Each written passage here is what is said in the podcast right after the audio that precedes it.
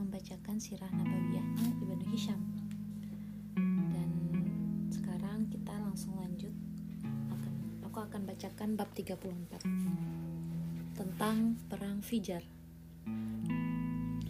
Ibnu Hisham berkata, ketika Rasulullah Shallallahu alaihi wasallam berusia 14 atau 15 tahun, seperti dikatakan Abu Ubaidah An-Nahwi kepadaku dari Abu Amr bin Al-Ala terjadi perang dahsyat antara Quraisy yang didukung Kinanah melawan Kais Ailan.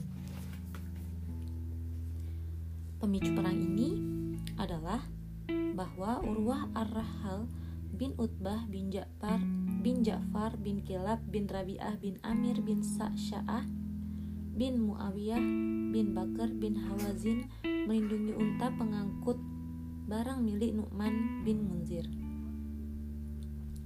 Barat bin Kois, salah seorang dari Bani Damrah bin Bakar bin Abdul Manat bin Kinanah berkata kepada arwah Ar-Rahal, Apakah engkau memberi perlindungan pada unta tersebut dari Kinanah?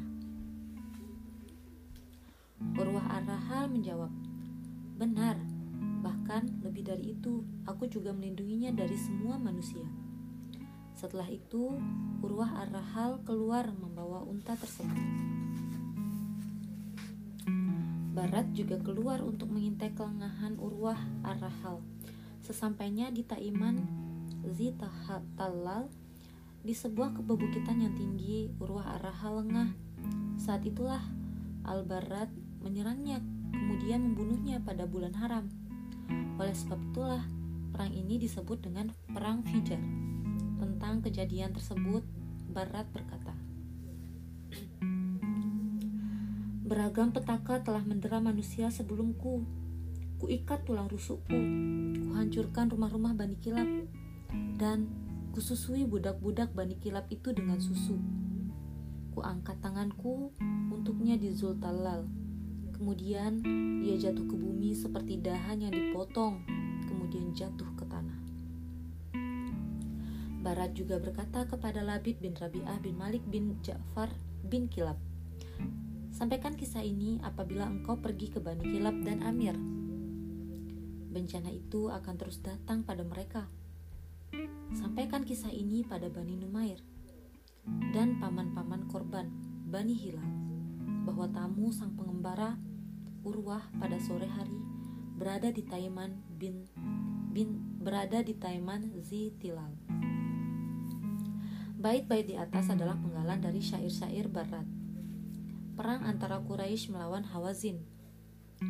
Ibnu Hisham berkata, seseorang datang menemui orang-orang Quraisy kemudian berkata, sesungguhnya Barat telah membunuh Urwah, padahal mereka sedang berada di bulan haram di, di Ukaz. Orang-orang Quraisy segera berangkat ke tempat orang-orang Hawazin tanpa mereka ketahui. Ketika orang-orang Hawazin mendengar keberangkatan orang-orang Quraisy, mereka mengejarnya dan mendapatkan mereka sebelum memasuki tanah haram.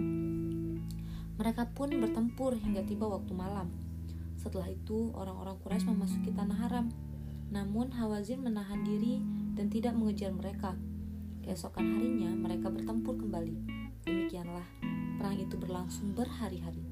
Sementara pada kedua belah pihak tidak ada seorang pemimpin yang mampu menyatukan mereka. Baik kabilah dari Quraisy dan Kinanah mempunyai seorang pemimpin, Demikian pula kabilah Quraisy masing-masing mempunyai pemimpin. Rasulullah Shallallahu Alaihi Wasallam menyaksikan perang saat beliau masih kanak-kanak.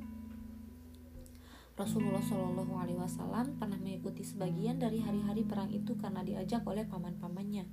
Rasulullah Shallallahu Alaihi Wasallam bersabda, ketika itu aku memanah melindungi paman-pamanku.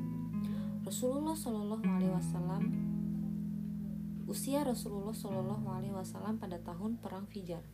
Ibnu Ishaq berkata, ketika Perang Fijar meletus, Rasulullah Shallallahu Alaihi Wasallam berusia 20 tahun. Sebab dinamakan Perang Fijar. Perang tersebut dinamakan Perang Fijar oleh karena kedua kampung tersebut, Kinanah dan Ailan, telah menghalalkan hal-hal yang diharamkan pada mereka. Panglima perang Quraisy dan Kinanah adalah Harb bin Umayyah bin Abdus Syams Pada pagi hari, kemenangan diraih Kois dan atas Kinana. Akan tetapi, pada pertengahan hari, kemenangan berbalik menjadi milik Kinana atas Kois. Ibn Hisham berkata, pembahasan tentang perang Fijar lebih panjang dari, dari apa yang saya sebutkan. Saya sengaja tidak menguraikannya secara langsung, secara lengkap, karena khawatir mengurangi uraian tentang sirah Rasulullah Shallallahu Alaihi Wasallam. Ya, sekian pembacaan bab 34 sudah selesai kurang lebihnya mohon dimaafkan kalau ada kekurangan dan kesalahan itu dari saya pribadi dan jika ada kebaikan yang bisa dipetik itu semua berasal dari Allah Subhanahu wa taala. Sekian dan terima kasih sampai ketemu sampai ketemu di uh, episode bab 35 selanjutnya. Assalamualaikum.